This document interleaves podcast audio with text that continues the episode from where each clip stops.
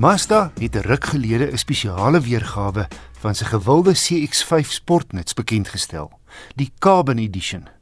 Hy vervang die voorwiel aangedrewe individual outomaties as die top 2 liter petrolmodel in die reeks en soos die naam Carbon Edition aandui, kom hy met unieke kenmerke soos swart 19 duim alloy wiele, swart spieëls en aantreklike rooi stikwerk in die leer van die stuur, sitplekke en ratkierie.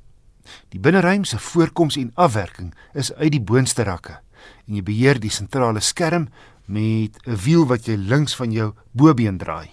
Goed toegerus onder meer navigasie, aanpasbare xenon hoofligte, klimaat- en spoedbeheer, outomatiese ligte en reënveers, sleutellose toegang en aanskakeling en parkeersensors voor en agter met 'n tribeeld op die sentrale skerm. Die CX-5 se agterdeur maak jy met die druk van 'n knop oop. 'n Goeie dosis veiligheidskenmerke met 'n baanhou funksie.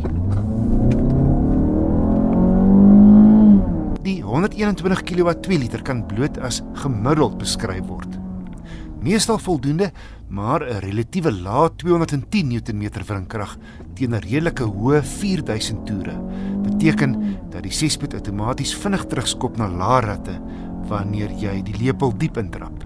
En dan raak die masjien nogal lawaaiig. Ai, hoe verlang ek na die lieflike CX-5 2.2 turbo diesel wat ek so 'n paar jaar gelede getoets het. Daai masjien skop meer as dubbel die 2 liter petrol se wrinkrag uit. Ongelukkig deesdae net in die topmodel teen R676 000 beskikbaar. En die 2.5 petrol ook net in 'n dierder viertrek model beskikbaar teen R644 000. Moenie 'n fout maak nie, die Mazda CX-5 Carbon Edition teen R566 000 is aantreklik, prakties en gerieflik met 'n hoë kwaliteit binneruim en goeie padmaniere.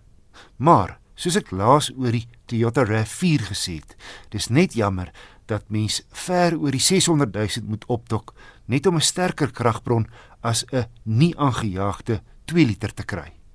Want gesinne wat die CX5 gaan volpak en dalk 'n waantjie sleep, gaan op die kragtappende hoëveld meer krag soek teen opdraandes. Terloops hierdie Carbon Edition is oor see met 'n 2.5 turbo petrol beskikbaar.